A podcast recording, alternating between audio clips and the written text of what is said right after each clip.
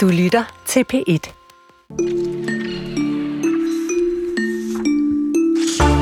Hej forældre i første C. Jeg er far til lille Chris P. Og herhjemme har vi hverken skærme eller tv, og har en aktiv, restriktiv sukkerpolitik. Og derfor synes jeg, at vi alle skal blive enige om, at børn ikke deler slik ud nogensinde, eller får smartphones, før de minimum er 18 år. Lad os tale om det på forældremødet på torsdag. Kærlig hilsen, Thomas Buddenbruch. Det her kunne have været en ægte besked. Det var det selvfølgelig ikke. Men det kunne det have været fra forældre-lærer-platformen Aula, som mange elsker, og mange elsker havde. Og mest af alt, så kunne det ikke have været en ægte besked, fordi mine forældre, de havde alt, hvad det havde med forældremøder at gøre, og jeg, der var overhovedet ikke nogen restriktioner, restriktioner på slik. Men uanset, så skal kommunikationen på Aula gemmes for eftertiden. Og vi ser nærmere på lærer-elev-forældrekommunikationen sammen med en sociolog, og det er altså ikke for børn eller særligt sundt for nogen, siger hun. Den her time bringer os også en tur til Helmand-provinsen i Afghanistan sammen med en soldat og en øh, dokumentarist, der i en ny dokumentar beskriver, hvordan skingrende skæve afghanske politifolk, som de allierede også samarbejdede med, systematisk begik seksuelle overgreb mod små drenge. Det her er stadig kulturen med Jesper Dein og Chris Pedersen. En øh, udstilling med den russiske punkgruppe Pussy Riot er lige nu hovedattraktionen på Louisiana Museum øh, nord for København. Udstillingen åbnede i onsdags og har fået meget stor opmærksomhed. For ikke at tale om anmelder Ros, der er seks hjerter i både Politiken og Jyllandsposten. Der er fem stjerner i Kristi Dagblad og fem såkaldt A, og kalder de det i Altinget.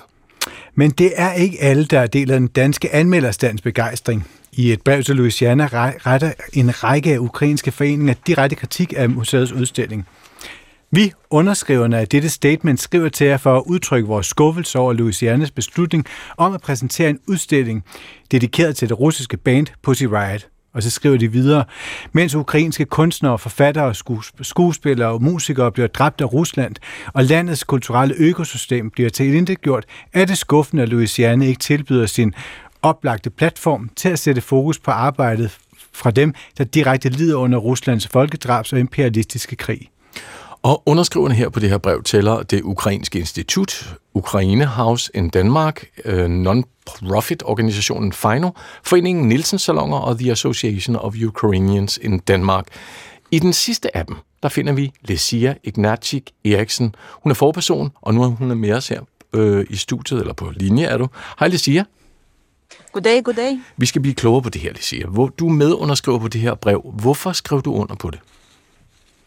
Ja, fordi øh, først og fremmest, øh, hvad det var, russiske kultur aldrig, aldrig har været afskilt fra russiske politik og militærkampagner, og vi bor i 19 måneder krig i Ukraine, hvor der øh, russerne bombarderer hver dag ukrainske øh, byer og øh, Tusindvis af ukrainske børn var uh, deporteret til Rusland. Mange ukrainske kunster blev dræbt.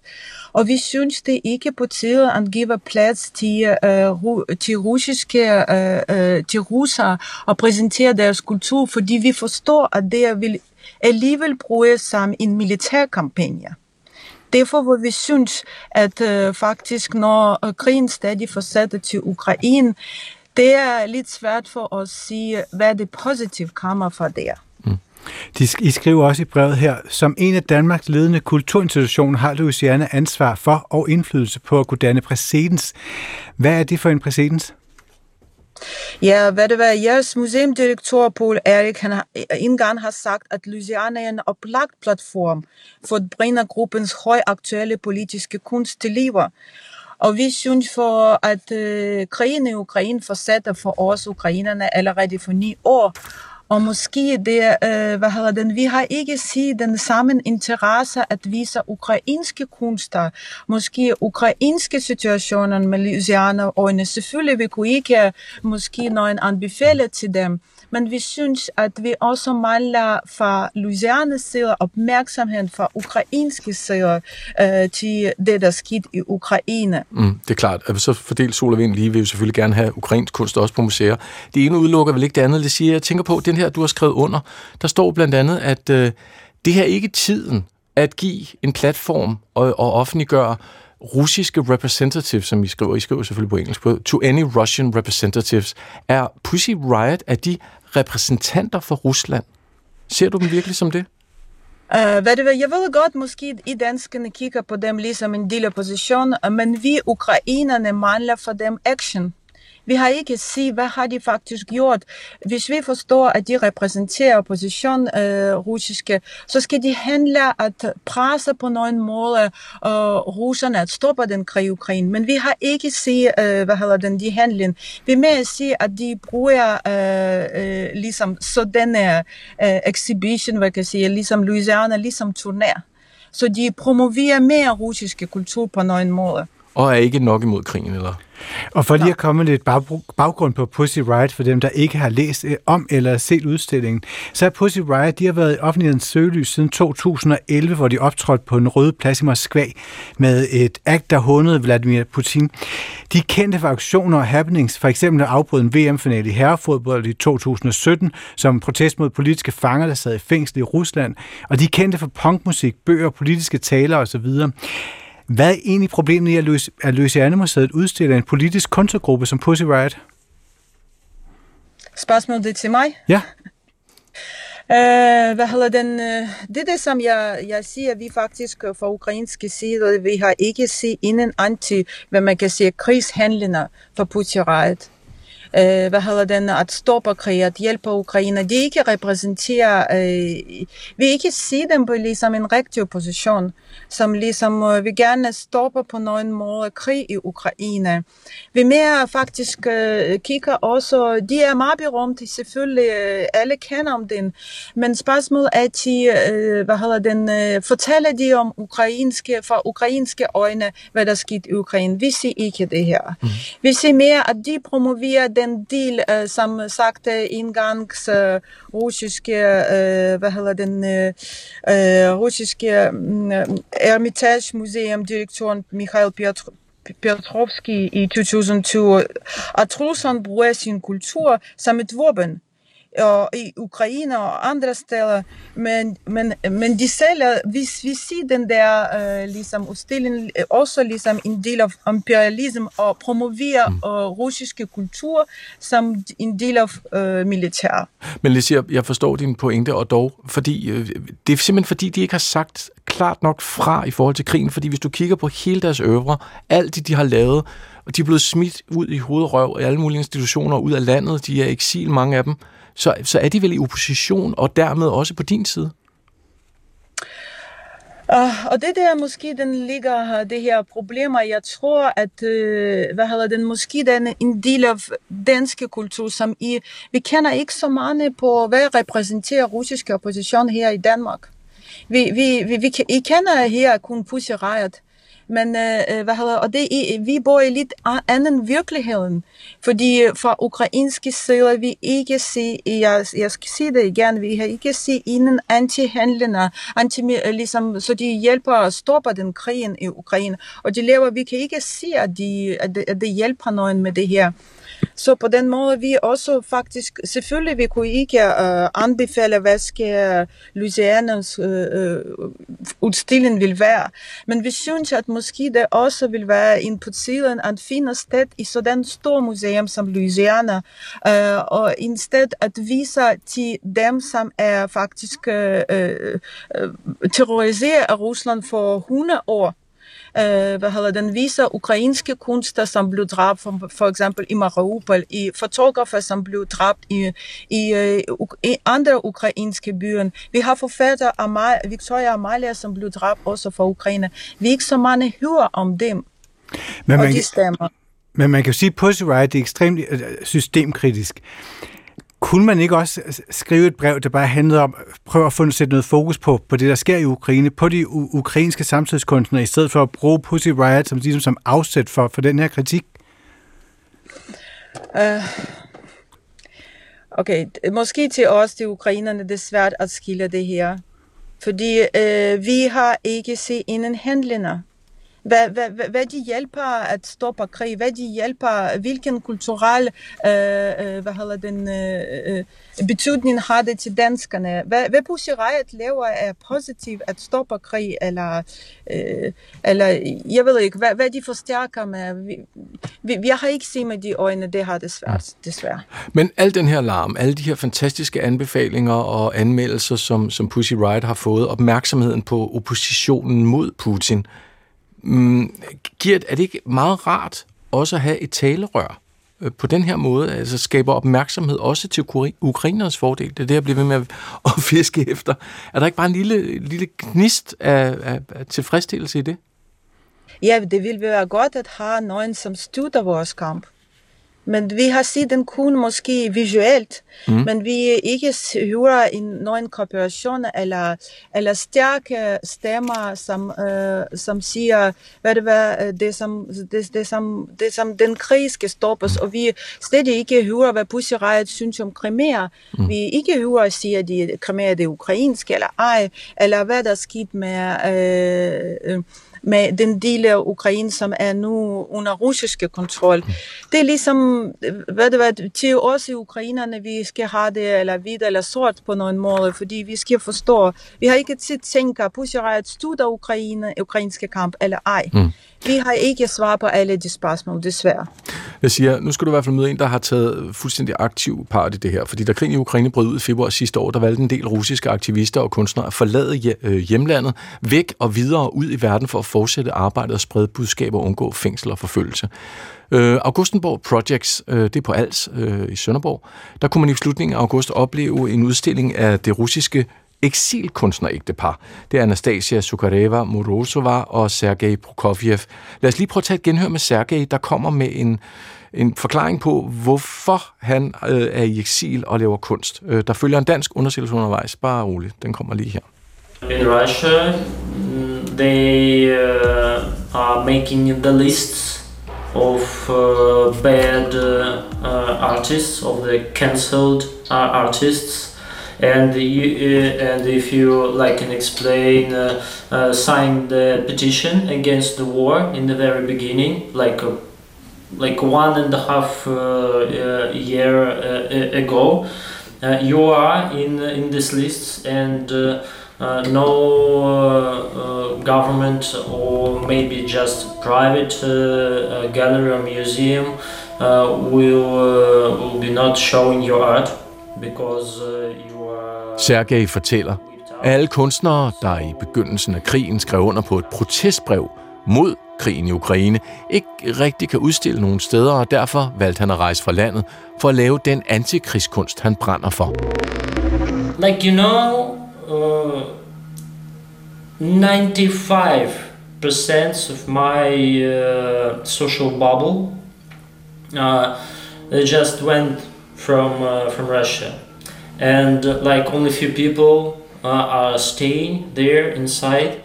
Ja, Sergej Prokofiev var det her. 95 procent af hans kolleger, hans sociale bobler, venner og alt det her, rejste altså fra Rusland for at arbejde i fred. Og det siger Eriksen, forperson i Association of Ukrainians i Danmark. Hvad tænker du om det, som Sergej han siger her? Ved du hvad, jeg har det desværre, lyd var ikke så godt så godt til mig, eller jeg kunne ikke høre det uh, klart. Men hvis det er sådan, som han siger, selvfølgelig, uh, ligesom der er stor respekt for vores side, bare øh, den folk, som rejser ud fra Rusland uh, til Europa og andre lande, hvorfor vi ikke hører dem, deres stemmer stadig? Mm. Og ham her, nu kan jeg jo så sige, hvis du ikke du hørte det, så var det retfærdigt at sige, både Anastasia og Sergej lader i den grad deres stemmer blive hørt, fordi de har anti-krigs kunst kørende for sig. Det er det, de udstiller, øh, blandt andet nede på Augustenborg. Så jeg tror, du vil være meget tilfreds med lige præcis deres øh, tilgang til det her. En, øh, altså, hvad tænker du om, om det her med kunstnerisk talerør? Er det sådan, skal vi til at have en certificering af dem, der er russisk fødte, de skal aktivt lægge afstand fra krigen, før at de kan udstille? Er det, sådan, er det der, vi skal hen, eller hvad? Nej, nej, nej, nej. Vi har ikke sådan, øh, hvad hedder den, øh, vi så ikke har sådan stemmer, og selvfølgelig der findes nogle russerne her i Danmark, som hjælper os, og som, som imod den krig i Ukraine, så jeg, jeg tror på det, og selvfølgelig der findes kunster, som ikke støtter øh, en, øh, hvad hedder den, i den krig. Vores appel var fra, øh, handler var ikke om det, at øh, Uh, vi faktisk, vores spørgsmål var, hvorfor uh, Louisiana vælger at forstærke stemmerne for sådan ligesom Pussy Riot, uh, der allerede er hørt, mens stemmerne for de torturerede kunster, eller undertrukne kunster fra lande, der har været offer for Rusland for århundreder, må, måske vi siger, forbliver uden jeres opmærksomhed. Opmærksomhed for Louisiana. Og selvfølgelig, vi, øh, hvad hedder den, øh, vi kunne ikke anbefale, men øh, hvad, de kunne der laver en, en projekt, som vil præsentere de modsatte eller eksproprierede ukrainske øh, hvad hedder den, kunster i denne krig, eller for øh, krig, som startede for 100 år siden. ved her. Øh, men vi har ikke set så mange interesser til ukrainske kunst her, for sådan, den, øh, hvad hedder den, uh, for, for, hvad hedder den, for, for Louisiana. Selvom der kommer, ligesom vi kan godt sige, ni år krig, eller de sidste ni måneder krig, og vi vil gerne, at deres liv også ligesom tælles. Og selvfølgelig, vi, vi ved godt, at det er så mange ukrainerne, ukrainske fordrevne, som er her også. De har det meget uh, følsomt over det, så uh, Danmark, som, som støtter virkelig meget til Ukraine, og giver så meget hjælp, ikke giver plads i kulturelle områder, at udstille deres, uh, hvad hedder den, repræsentere ukrainske kultur, men giver meget plads til russiske kultur. Og nu her, meget kort til sidst er der en enkelt kunstner, som du godt kunne tænke dig, at Louisiana sat fokus på? Uh, hvad det var, selvfølgelig, jeg kunne, vi kunne ikke anbefale, men uh, uh, hvad hedder den, vi har mange uh, ukrainske kunster, hvis vi ser på Maria Primachenko, som er meget berømt for hele verden nu, uh, eller Malevich, uh, hvad hedder den, eller nu, uh, nu kunster, men der skal snakke eksperter, jeg er desværre ikke ekspert for kulturområdet. vi kan godt snakke med ukrainske hus i Danmark, men uh, men vi, ja, vi, vi virkelig håber, at der måske øh, kommer, vi kommer til den tidspunkt, hvor der bliver Louisiana også åbner, hvad man kan sige, sine arme til ukrainske kunster. Tak skal du have, Lisne Ignaktik Eriksen, forperson i The Association of Ukrainians in Denmark. Vi har forsøgt at få interview med Louisiana Museum of Modern Art, men de har ingen kommentar. Da jeg var en lille degn med alt for stort hoved og smalle skuldre og kikset hår, der sad jeg ofte sammen med mine forældre hos et af deres vennepar. Det var Holger og Kirsten, og Holger var sådan en rigtig mandemand. Han lignede lidt Tom Jones. Så kan du se ham for dig, ikke, Chris? Fuldstændig. Åben skjorte, kæmpe 70'er flipper og sølvkæde på, og så havde han en kæmpe spolebåndoptager midt i stuen. Der var brune gulvtæpper på gulvet, og så var der det der oplyste akvarium bygget ind i væggen mellem køkken og stue. Og så var der, der var bare 70'er fondue vibes over det hele. Og på båndoptageren, der var der meget tit Roger Whittaker. Og nu er Roger død, 87 år. Jeg forstod selvfølgelig ikke et ord dengang, for der var jeg været 4, 5, 6 år. Men jeg forstod og husker, at han var lyd af ro og kærlighed, og det var meget fint for sådan en ensomt enebarn som mig.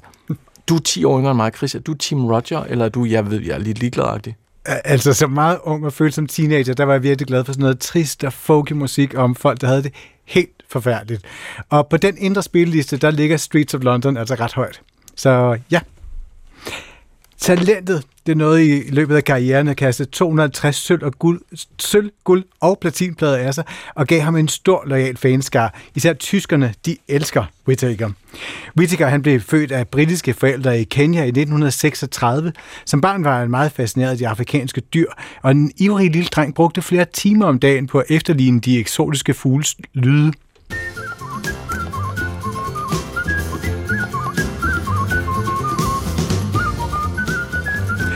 Men da Roger var lille, drømte han om at arbejde med dyrbiologi. Han ville være lærer som sin mor og rejse fra Kenya tilbage til England. Mens han læste, tjente han ekstra på at synge på diverse spillesteder. Og da karrieren havde taget fart, gav Roger den et ekstra skub ved at indspille på tysk. Og er der noget, tyskerne elsker, så er det sing-along popmusik. kæmpe succes. Roger blev, så, blev sådan en OK god til tysk. For eksempel er det her gigahit, i hvert fald nede i Tyskland, Albany, hvor han giver den på tysk. Charles und Gordon waren zwei Brüder, sangen als Kinder die gleichen Lieder, jagten gemeinsam in den Wäldern. Das ist aber sehr gut. Så skal Whittaker pensionerede sig fra turnélivet for sådan cirka 10 år siden, og døde altså 87 år gammel i går, tror jeg det var. Jeg synes ikke, vi skal slutte med Albany og det der tysker jam, fordi det... Jeg har fundet min yndlingssang frem. Hold fast. Holger spillede den på spolebånd. Ovenikøbet indbygget en forrygende historie. Vil du lige have den? Vil du lige have den hurtigt? Ja, ja, meget gerne. Du kan ikke sige nej, for du får den. 1972, der var Roger Whittaker radiovært. Han lovede lytterne, at hvis de sendte digte og tekster ind, så ville han sammen med sit orkester lave sange ud af, te- af de tekster, de fik. De fik 1 million lytterhenvendelser og lavede 26 sange ud af dem. Nå, hvad sange kunne det være? Jo, det kunne være den her. Ron A. Webster. Han var sølvsmed, han var fra Birmingham, og han sad og skrev, gjorde han. Og han skrev på et digt, der hed The Last Farewell, og sendte det ind til Roger Whittaker. Prøv lige at høre det her. There's a ship lies rigged and ready in the harbor. Tomorrow for old England she sails. Far away from your land of endless sunshine. To my land full of rainy skies and gales. And I shall be aboard that ship tomorrow. Though my heart is full of tears at this farewell. For you are beautiful, and I have loved you dearly, more dearly than the spoken word can tell. For you are beautiful, and I have loved you dearly, more dearly than the spoken word can tell. Så skal det ellers love for, at vi tager et øh, stemningsskift. Sådan er livet. Sådan er det. I dag har dokumentaren Bedraget i Helmand premiere.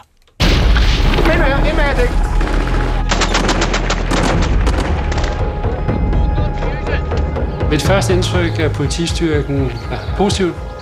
Det får jeg gennem KUKA. He was the most effective man in dealing with Afghan police officers that I had met. But actually, we know that you're probably a murdering, raping drug trafficker. کوي ساخان خو معنا د ظلم په برابر To dokumentarister drager til Helmand-provinsen i Afghanistan, der bliver beskrevet som middelalderen, bare med sprængstof, kalashnikover og mobiler. De undersøger rygterne om, om en afghansk politistyrke, som øh, Danmark og andre vestlige lande har samarbejdet med. Ifølge rygterne skulle den have begået voldsom overgreb mod civilbefolkningen, og rygterne viser sig at være sande. Vi har de to dokumentarister i studiet, Najib Kajar, journalist og dokumentarinstruktør, og Martin Tam Andersen, dokumentarist og podcastvært. Velkommen. Tak. Tak. Najib, øh, Najib og Martin, hvad er jeres forhold til Afghanistan? Lad os starte med dig, Najib. Jamen, mit forhold til Afghanistan, det er, at øh, jeg har dækket landet i 19 år, næsten to årtier. Øh, det har været mit øh, hjerteblod journalistisk, øh, det stofområde, jeg har brugt mest tid på. Og så har jeg også afghanske rødder, altså jeg taler et af sprogene. Mine forældre er fra Afghanistan. Mm. Så det er et land, som jeg virkelig, øh, hvad skal jeg sige, øh, ja, øh, har været meget i og, og har et meget altså, stærkt forhold til. Mm. Forståeligt nok. Martin? Jamen, Afghanistan var engang en krigszone for mig, men med Najib har jeg tidligere også været tilbage i Afghanistan, og der fik jeg et helt andet forhold til landet. Øh, det, og de oplevelser, jeg havde i krigen, satte sig nogle spor og stillet, skabt nogle spørgsmål i mig, som jeg har kunne mærke, at jeg har været nødt til at undersøge efterfølgende. Og nu er Afghanistan jo ikke en krigszone for mig længere. Det er et fantastisk land, smukt land og fuldt, med, fyldt af fantastiske mennesker, hvis man lige ser bort fra Taliban og, og nogle af dem, der medvirker i den her film. Ja. Men, men et, et utroligt spændende land, og også set med mine øjne, så fremmedartet, som det overhovedet kan være fra Danmark, og det i sig selv gør det til et enormt fascinerende sted. Og, og hvad var din oplevelse af politistyrkerne, af de afghanske politistyrker, da du var afsted? Jeg var afsted fire år efter, at det som der starter her i filmen med nogle af de, dem, de beskrivelser, der er her, og jeg arbejdede med politiet i en, en by, der hed Garesk, og jeg havde nogle lignende oplevelser af, hvad vi fortæller i, i dokumentaren. Øh, til at starte med skulle jeg også have et rigtig godt forhold til de her politifolk. Min egen sikkerhed var på spil i forhold til at skabe tillid mm. øh, og arbejde sammen med dem. Men imens jeg er sammen med dem, finder jeg jo også ud af, at de i langt højere grad minder om organiseret kriminalitet, en organisering, altså organiseret kriminel, end de minder om en politistyrke. Jeg ser rent faktisk alle sæsoner af Sopranos, mens jeg er afsted. Og det er faktisk, da jeg sidder og ser den serie, det jo pludselig går op for mig, Gud. Altså dem, jeg arbejder med sammen hver dag, minder jo meget mere om... Det er simpelthen mafia-typer? De minder meget mere om en, en mafia, end de gør om okay. en, en politistyrke.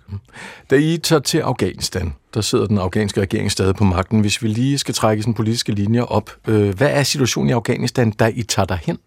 Najib? Da vi tager ned på det tidspunkt, der er den afghanske regering virkelig hårdt presset, men de sidder stadigvæk på ret mange områder, den afghanske regering, og de sidder på alle de større byer. Politistyrken her, som vi mødes med, man kan godt mærke på dem, at øh, de ved, at spillet er ude. Altså, de, de kommer til at tabe den her krig. Mm.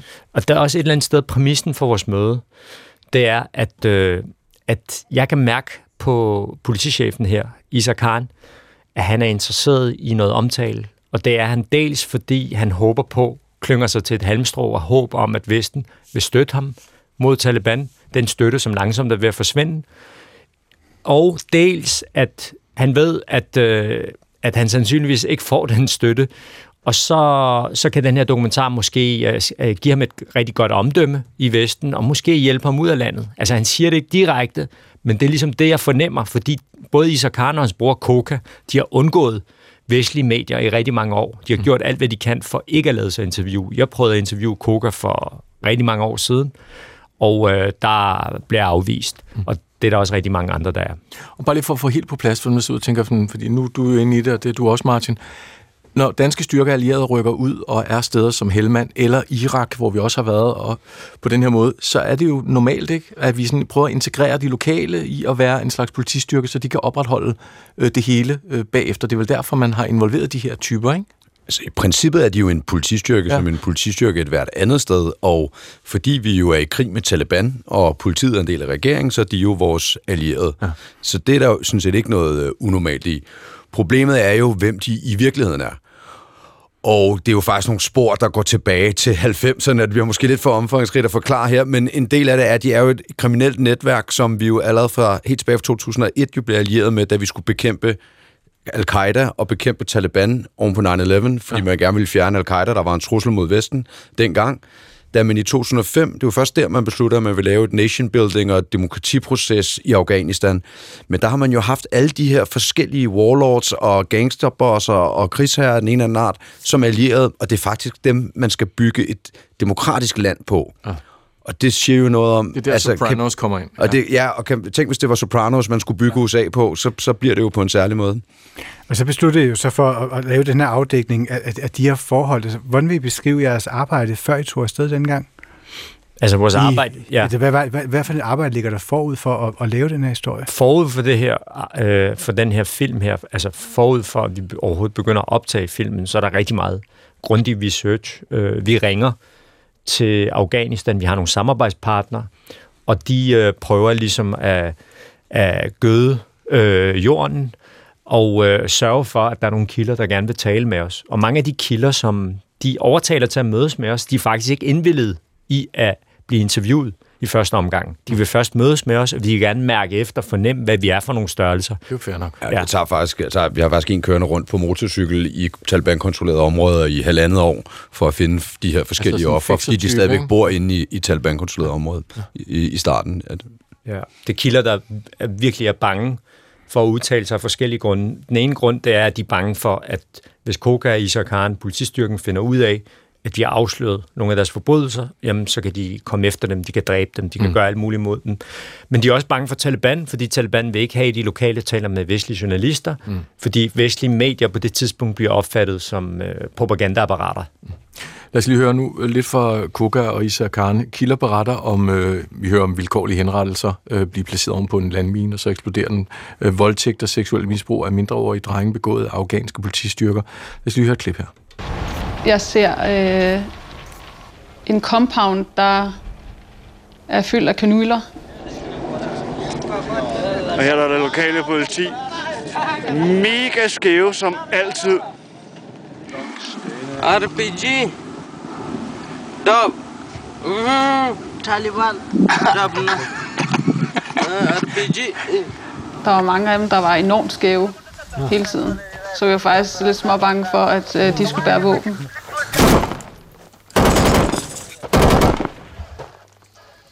Der var noget regnende vand, og øh, jeg sad og vaskede et eller andet. Og så kigger jeg op på, jeg tror, to eller tre drenge øh, med sminke på, og ja, Ja, det er et voldsomt klip, det her. For det første, så ser vi, nu hørte vi jo så lyden, der står simpelthen en pilskæv, det kan vi vist roligt sige, øh, politistyrkesoldat bagved, og leger han affyrer en raket, mens soldaterne står i forgrund, og på et andet billede står to virkelig stive typer med meget store øh, maskingevær og skyder fuldstændig vilkårligt ud over en mark. Ja, altså i den her film, der medvirker både folk fra det danske forsvar, afghanere, der er blevet misbrugt af politistyrken, og så medvirker Kokar og Isa Khan, de to brødre også. Hvad har I sagt til dem for at få dem til at stille op, Najib? Vi har sagt til dem, at øh, vi er i gang med at lave en dokumentar, som handler om de lo- den lokale politistyrkes samarbejde med de vestlige tropper, som faktisk er en sand præmis. Mm. Vi har fortalt dem det, som filmen reelt handler om. Det vi så ikke har fortalt, det vi har udladt, og det har vi selvfølgelig god grund til, fordi vi ved, at de ikke ville stille op, hvis de vidste, det er, at vi har kendskab til anklagerne imod dem, mm. som vi er i gang med at undersøge parallelt med det. Og det er jo derfor, at de går med til at være med i filmen, fordi vi har et spil jo i gang. Vi har vores spil, og de har deres. Og deres spil handler om at manipulere os til at tro, at de var Guds bedste børn, og vi skal hjælpe, altså Vesten skal hjælpe dem. Og vi har vores eget spil, hvor vi gerne vil komme ind under huden på dem og afsløre, hvem de er. Mm. Og Martin, hvordan, er det, hvordan møder man op til sådan nogle interviews? Ja, det var jo faktisk sådan, at øh, de rigtig gode venner, vi har i Afghanistan, lokale journalister og venner, jo faktisk ikke ville være sammen med os, når vi skulle lave det her. Så som det også blev sagt i kommentaren, vi er nødt til at møde op alene. Najib og jeg, vi har en lokal chauffør, som vi ikke har nogen relation til. Det har vi så alligevel, men, men, men vi er faktisk på egen hånd. Øh, og det er jo i sig selv lidt angstprovokerende, at vi ligesom går ind ad døren og ikke rigtig har nogen livlinjer at trække på. Så vi, vi som Najib siger, vi spiller jo det her spil også. Altså vi sørger også for at være imødekommende og venlige og ikke skabe en dårlig stemning, fordi det er faktisk vores egen sikkerhed, og, og i nogle tilfælde tager vi jo langt ud på landet med, øh, med Isaac Khan, og er jo 100% i hans magt, og hvis vi ligesom dummer os i sådan en situation, så kan det jo blive farligt. Plus vi jo så samtidig taler med, med ofre øh, på siden, ikke? Så, der, så der er jo en kæmpe risiko der. Og vi hørte jo også lige her i klippet, øh, en af de her drenge stå, øh, I har også interview med nogle af de nu voksne mænd, der som børn blev udsat for overgreb af, af de her politistyrker. Øh, Hvorfor vælger de at stille op? De er selvfølgelig sløret på den måde, at man ja, ser lige deres øjne, og det er det. Men hvorfor vælger de at stille op, tror du, Najib? Jamen, det gør de i øh, afmagt. Fordi Hvad de gør risikerer man? jo virkelig ja. noget, ikke? Ja, de risikerer virkelig noget, og, og de, øh, de er faktisk kun indstillet på at fortælle os om kidnapningen af dem, mm. og at der er blevet betalt løsesum, for at de kan blive frigivet. Det er faktisk kun, mens vi taler med dem, at vores lokale afghanske samarbejdspartner formår at overtale dem til at fortælle om de seksuelle overgreb. For det er så tabu i ja. Afghanistan. Det er tabu her i Danmark, når en mand bliver udsat for et seksuelt overgreb. Altså sammenlignet med kvinder for eksempel. Men for mænd i Afghanistan, der er det så grænseoverskridende. Og jeg husker faktisk ikke nogen andre dokumentarer. Der er sikkert blevet lavet noget for længe siden, med afghanske mænd, der fortæller om, at de er blevet misbrugt som børn. Så det er faktisk en kæmpe stor tillidserklæring, at de mhm. ender med at sige det til os. Og de siger det jo, fordi at de gerne vil have, at verden skal høre om, hvad det er, der foregår i Afghanistan. Hvem det er, den afghanske regering har sendt ned for at opretholde lov og orden i, i godsetegn, mm. og hvem Vesten støtter. Øh, hvad gør man normalt, når nogen begår en forbrydelse mod en, man går til politiet? De har stakkels bønder, de kan ikke gøre noget. Der er ingen, de kan gå til. Vi er det eneste, de kan gå til. Og, og de håber jo faktisk også på, at det her den eneste, de tror, det er den eneste måde, der kan, de kan få retfærdighed på. Det er jo den eneste måde, at nogen kan komme efter Khan og Koka på på det her tidspunkt. Ikke? Men lad mig lige blive 10 sekunder ved den der, Najib, fordi når, når det her så sker, du har lavet masser af dokumentarfilm, du kender jo hele me- mekanismer omkring det her. Er du, kan du være bekymret for dem? Jeg, altså, altså i forhold for de, dem, der, dem, der stiller op på den her måde, tænker, det, det her kommer til at gå galt. Ja. Vi er jo... Det bliver vist på BBC, det bliver vist på DR, kommer til at ligge derude om fem minutter, så er det over det hele. Ikke? Vi har jo anonymiseret dem først og fremmest, ja. øh, og vi har anonymiseret dem i en grad, hvor vi faktisk har insisteret på, at det skulle være mere, end de selv krævede. Ja. Men øh, så er der også det element, at de er jo vokset. De var teenager, da de blev voldtaget. Mm. Så det vil sige, Det er de har ændret sværere. sig. Det er endnu sværere. Det er sværere. Ja. Det er svært for dem at blive genkendt. Der er en lille risiko. Men det er meget svært, fordi de var børn dengang. Og så er der det ekstra lag, at Koka og Isa Khan, de faktisk har mistet magten. De er fordrevet i Helmand. De gemmer sig. De går under jorden. Okay. De er ikke magthaverne længere. Nu er det Taliban, der er magthaverne. Så på den måde kan man sige, at de nye autoriteter, paradoxalt nok, ekstremisterne, de er en beskyttelse for dem lige nu mod sådan nogen som Koka og Isa Khan. Og altså lederen af de danske soldater, han rapporterer om politifolkenes seksuelle misbrug af børn til den britiske ledelse, men han får at vide, at det er en del af den lokale kultur, og han skal ignorere det. Hvad siger det om den vestlige indblanding i Afghanistan og krig mod terror, at vi afskriver seksuel misbrug som kultur i godsøjen, Najib?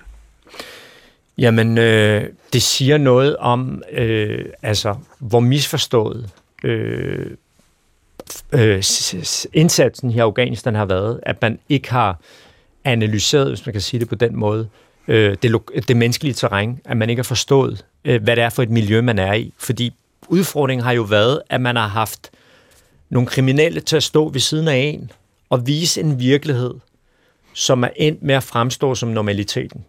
Altså nu, nu laver jeg en sammenligning.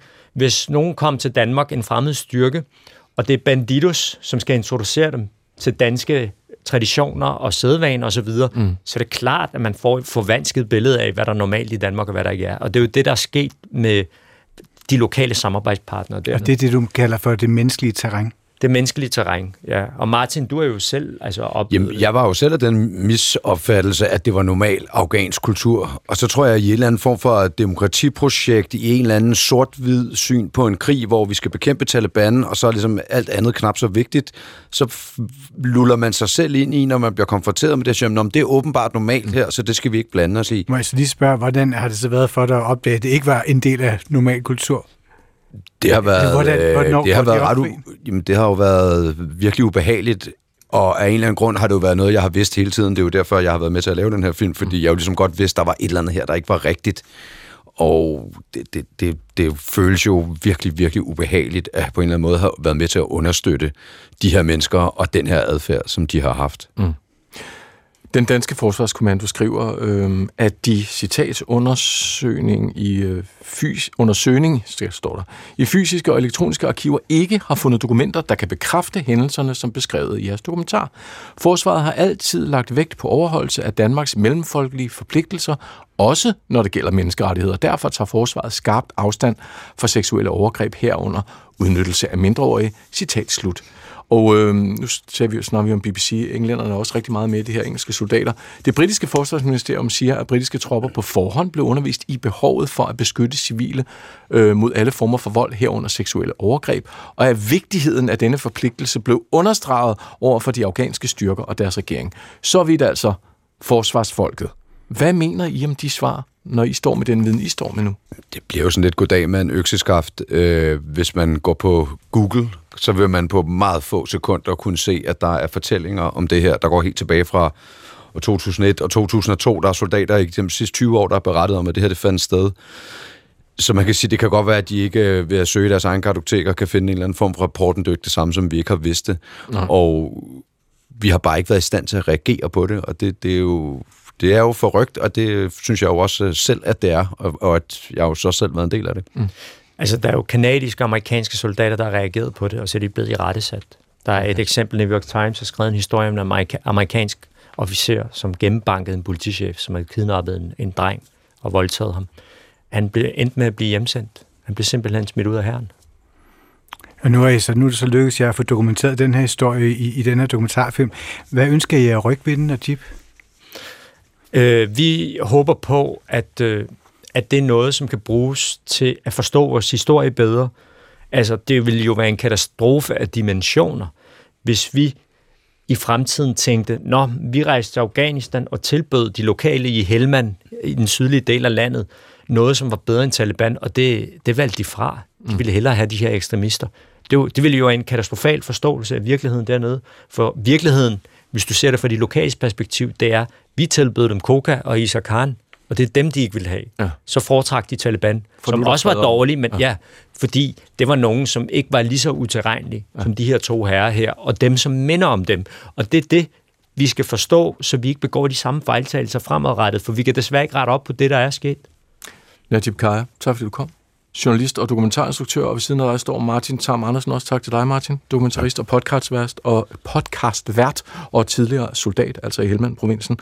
Og øhm, vi har jo her på programmet også, nu talte vi før om Forsvarsministeriet, vi har øh, tilbudt forsvarsminister Troels Lund Poulsen at medvirke, og det har han ikke haft mulighed for. I stedet for har han sendt et skriftligt svar, som lyder sådan her.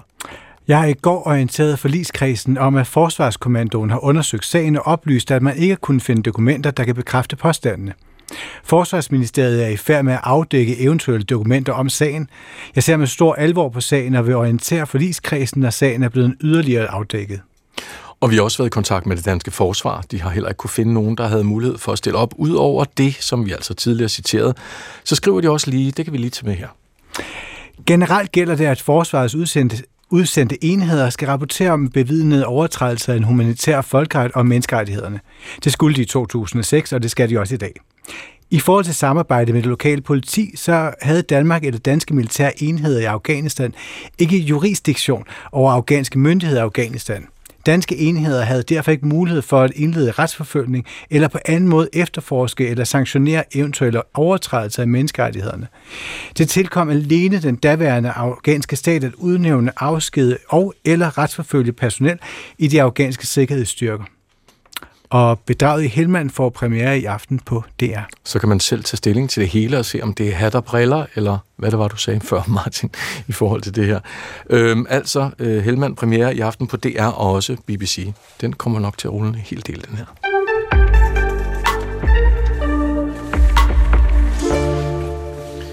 Jeg ved så ikke med dig, jeg har ikke nogen papir.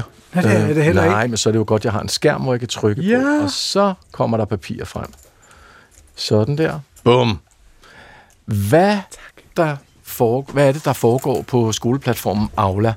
Øhm, eller har det, det er det, der står på det her papir, har det, der foregår på skoleplatformen Aula en historisk værdi? Det er det spørgsmål, jeg skal stille. Det er et spørgsmål lige nu, hvor Ekstrabladet har fundet ud af, at Rigsarkivet fra 2025 vil gemme alle samtaler, også de private, vi har på Aula, den her skoleplatform mellem lærere og forældre. Det er kulturminister Jakob Engel Schmidt, der øh, det, han, det synes han ikke er særlig godt, det er han ikke begejstret for. Han ser derimod flere udfordringer ved, at Rigsarkivet vil gemme den her slags personfølsomme oplysninger. Inden vi når til ham og hans bekymring, har vi med sociolog og forfatter til bogen Det grænseløse forældreskab, Maria Ørskov Axelvold. Hej Maria. Hej. Altså kort og enkelt, Aula kom til verden i efterårsferien 2019, så for alle lige med, hvad er Aula, Aula for en platform? Jamen Aula, det er jo der, hvor man kommunikerer. Altså lærerne og forældrene kommunikerer, lærerne og eleverne, men også forældrene øh, sig imellem. Så det er, ligesom, det er ligesom der, det hele foregår. Mm. Og jeg er, jo, jeg er jo den generation, jeg havde forældre intra. Hvor meget anderledes er Aula end det der forældre intra, som var sådan lidt dosset og lidt underligt, men det fungerede da trods alt. Ja, altså, jeg synes, at øh, forskellen ikke er så stor. Øh, nu fulgte jeg jo forældreindtræ i min forskning, øhm, og, og til sidst, så synes jeg ikke, det var så dosset, faktisk. Øhm, og, og jeg tror egentlig, at det, det, vi har i dag, det ligner meget det, som vi havde på forældreindtræ. Så der er ikke den, den store forskel. På internet der ser man en gang mellem forskellige udplukkerbeskeder fra Aula, hvor forældre viser eksempler på præcis, hvorfor man nogle gange kan gå lidt og mok over det. På Instagram-siden Besked fra Aula bliver der lavet opslag, som viser fiktive og nogle gange ægte samtaler fra Aula. Vi lover altså ikke, at samtalen her ægte er forgået, men det kunne sagtens være det. Og vi, læser, vi, læser her på, vi læste her på redaktionen lidt af samtalerne op. Hej Birgitte. Jeg skal bede Anna Sofie fri på tirsdag. Hun skal have prøvesat sit hår til konfirmationen. Hej Birgitte. Jeg skal bede William fri onsdag næste uge, da vi skal ud og se på lokale til konfirmation. VH Claus. Hej Birgitte. Mandag kommer Leo ikke i skole før kl. 11.30. Han har en tid hos skrædderen, som skal tilrette hans konfirmationstøj. Hej Birgitte. Liva kommer ikke i skole på fredag, da vi skal ud og bestemme menu til konfirmationen hos den kok, vi har hyret. Smiley. KH Mille. Hej. Ejgil møder senere onsdag, da han skal have fjernet sin bøjle. Heldigt det lige kan klares inden konfirmationen. Udråbstegn, smiley. Jeg skal bede Johanne fri fredag, hvor vi har en tid hos Jesper Høvring til kjoleprøvning til hendes store dag. Smiley. Hej Birgitte. Kan Matteo få fri torsdag? Vi skal prøve at køre en Ferrari, vi måske kan låne til transport fra kirken til konfirmationen. Smiley. Hilda møder senere tirsdag næste uge, da hun skal have lavet negle til sin konfirmation. Kære Birgitte, Kajo skal gå tidligt på tirsdag, da vi skal ud og se på en mulig location til hendes konfirmationsbilleder. KH Asker. Hej Birgitte. Axel kommer ikke i skole på mandag, da vi har hyret to timer hos en speaker coach. Han er lidt nervøs for at holde tale til sin konfirmation. Smiley og et hjerte. Ja, sådan kan det altså lyde. Vi har Maria Ørskov Axelvold, øh, sociolog og forfatter til den her øh, bog, Grænseløse. Det er Grænseløse forældreskab. Du har lyttet med. Hvor langt, øh, hvor langt er det her for virkeligheden? Ja, det er, for nogle er det måske ret langt fra virkeligheden, og for nogle er det ikke. Øhm, nu lagde jeg mærke til, at det mest var beskeder, som kom fra forældrene til skolen, øh, så jeg hæftede mig lidt ved det, fordi øh, det, der jo er mest af på forældreintra, det er jo faktisk information fra skolen til forældrene. Øh, og, øh, og det her var jo også sådan nogle ting, hvor man kan sige, er det virkelig nødvendigt at skrive til skolen om de her øh, ting?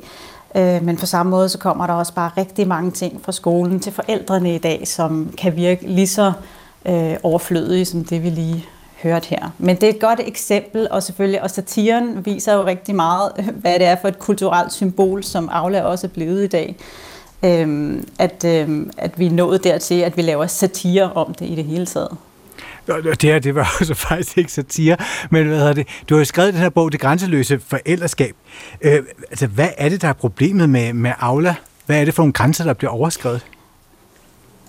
Men det er jo det, at digital kommunikation i sig selv er fuldstændig grænseløst. Øhm, og vi har jo set, i de sidste 20 år har vi jo haft digital kommunikation i skolen, og nu også i dagtilbuddet. Og vi har jo set øh, i den tid, hvor meget informationsstrøm den er vokset. Hvordan det engang, for ikke så lang tid siden, var det normalt, at man snakkede sammen en gang imellem, og så havde man nogle sædler med i tasken, og man havde en kontaktbog. Og i dag er det helt normalt, at man kommunikerer øh, hver eneste dag. Og det er jo noget af det, som jeg har har vist i min forskning og i mine analyser, at det har bidraget til sådan et grænseløst forældreskab, hvor forældre øh, aldrig kan gøre det godt nok, hvor der altid lige er lidt mere, øh, og hvor der bliver ved med at komme mere og mere mm. øh, inde på Aula. Det vokser jo dag for dag. Det er også sindssygt stressende. Altså, øh, prøv at beskrive lidt mere den her grænseløshed. Hvad er det, der sker?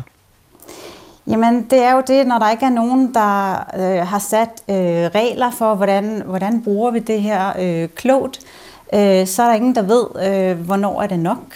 Øh, altså, skolen har jo skruet helt vildt meget op for informationsstrømmen, så engang havde man de her sædler i tasken, man havde kontaktbog. Øh, I dag ved forældre jo nærmest alt, hvad der sker øh, i skolen, i frikvarteret. Altså, de får så mange beskeder om stort og småt, hvor noget kan være vigtigt, men meget er det måske ikke. Mm.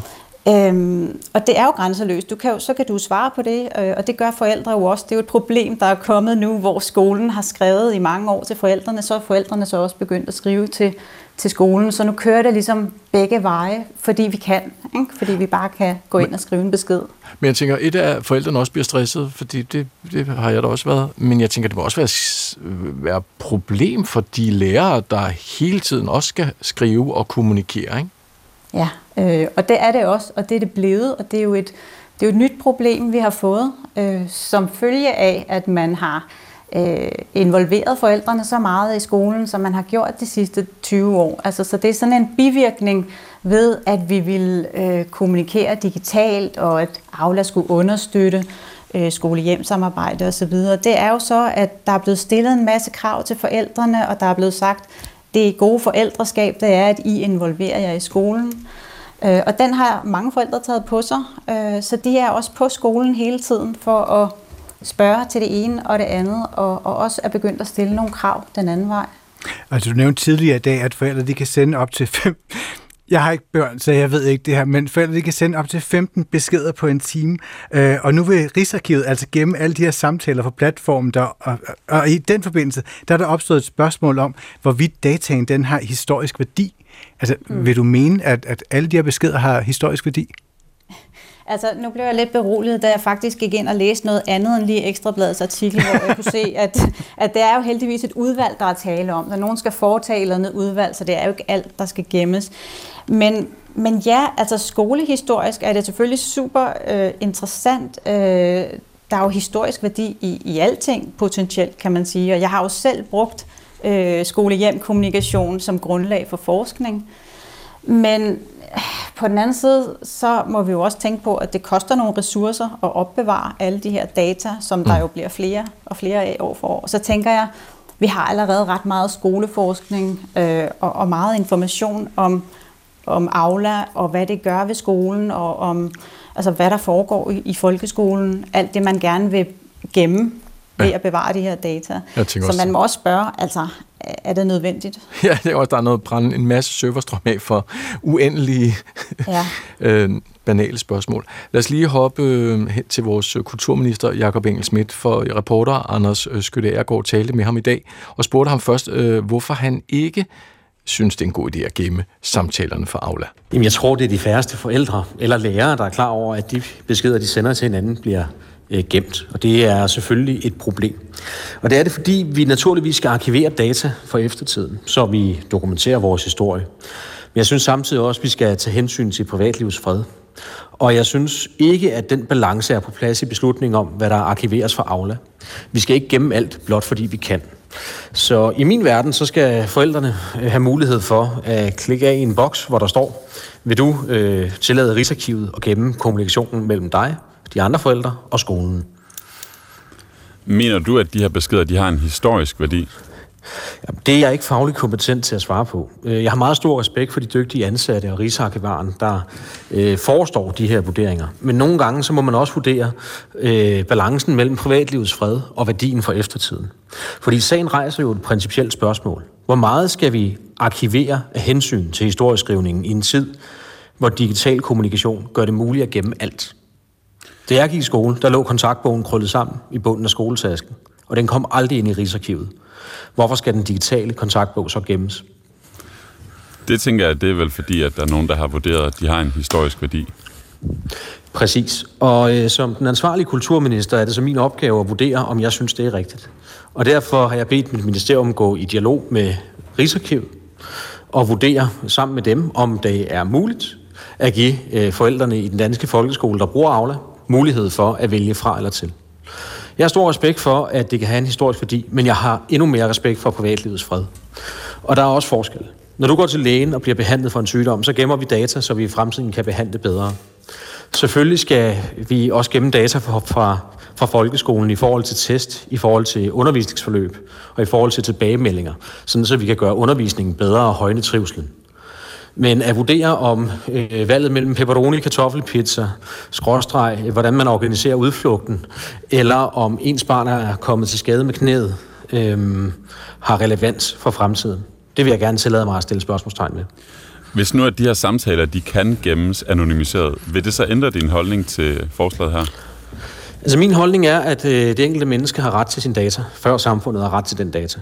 Men mindre at det foregår, som jeg nævnt før, øh, i forbindelse med et for, i et behandlingsforløb med det formål at redde liv.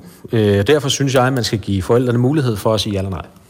Det vil også skabe en meget øh, selektiv øh, læring af de her beskeder, fordi det er jo nok en bestemt type mennesker, der vil takke ja til det, og en bestemt type mennesker, der vil takke nej til det. Så får man vel ikke et klart billede af, hvad det er for nogle beskeder, der er sendt i de her år.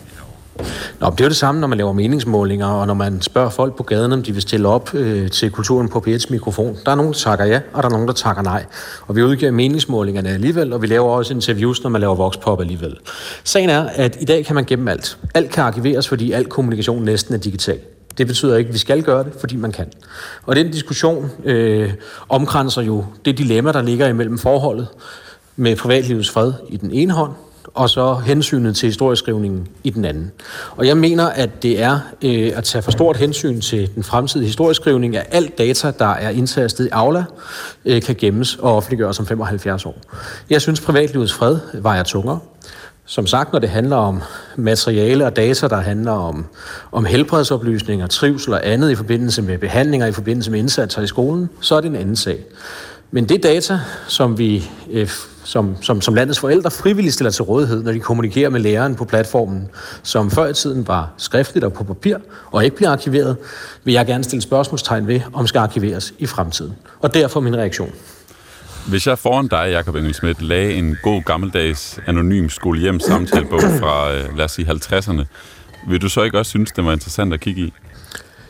Jo, det vil jeg bestemt. Og øh, der er jo også rig mulighed for, at man fra 25, hvor den her bekendtgørelse er øh, sat til at, at virke, øh, kan spørge øh, på en stille og rolig måde, om forældre vil medvirke i det her, hvis deres data bliver anonymiseret. Og det tænker jeg, at der er en del, der gerne vil. Der er så nogen, der ikke vil, og det synes jeg, vi skal have respekt for. Og Maria Ørskov Axelvold, øh, forfatter og sociolog. Hvad tænker du om det, som kulturministeren sagde her? Jamen, jeg synes, han siger mange fornuftige ting, og jeg, jeg er sådan set enig med ham. Øh, det kan da godt være. Altså, nu er jeg jo familieforsker, jeg kan sagtens forestille mig, at der vil være en guldgruppe for en familieforsker om 30-40 år og, og kigge på alt det her. Men det er jo ikke det samme som, at vi skal, skal gøre det. Og som jeg sagde lige før, så har vi allerede øh, masser af viden og forskning, øh, som afdækker det her, og som vi kan som vi kan kigge på. Og jeg synes sådan set, at vi hellere skulle snakke om, øh, hvad kan vi bruge de her data til i nutiden. Altså, i stedet for at tænke på, hvordan vi kan kigge på dem øh, senere, så burde vi meget hellere koncentrere os om, hvordan vi kan kigge på dem og blive bedre til at bruge Aula, sådan så at vi tager noget af det her pres og stress ud af, af børnefamilierne i dag. Det er sådan set sådan, vi burde bruge vores øh, ressourcer, synes jeg. Maria, du er selv sociolog, og du har selv forsket. Hvad kan en forsker bruge den her slags data til? Jamen, altså, der er jo alt muligt, man kan, kan aflæse i, øh, i den type data. Det kommer an på, hvad man kigger efter. Men altså, det kunne jo blandt andet være, øh, hvordan det fortæller noget om skole-hjem-relationen her i 2020'erne, om folkeskolen, om velfærdsstatens udvikling, konkurrencestat. Det fortæller noget om statens indblanding i familielivet, forholdet mellem borger og stat. Altså, der, det kan fortælle os rigtig, rigtig mange ting, og, og jeg kan i hvert fald aflæse også de eksempler, du lige læste op før. Øhm, altså noget om et meget, meget højt ideal for, for det gode forældreskab i dag. Så der er masser at komme efter der.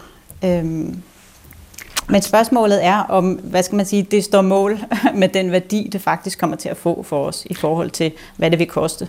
Tak til dig, Maria Ørskov Axelvold, sociolog og forfatter til bogen Det grænseløse forældreskab. Selv tak. Vi rækte ud til Rigsarkivet, og de har vendt tilbage med et skriftligt svar.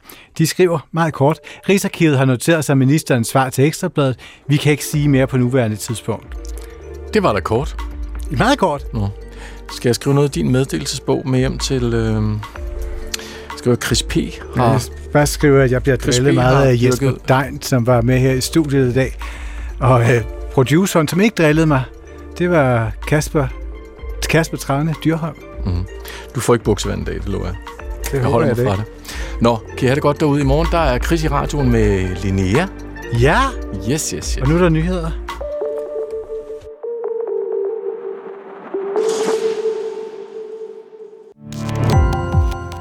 Gå på opdagelse i alle DR's podcast og radioprogrammer. I appen DR Lyd.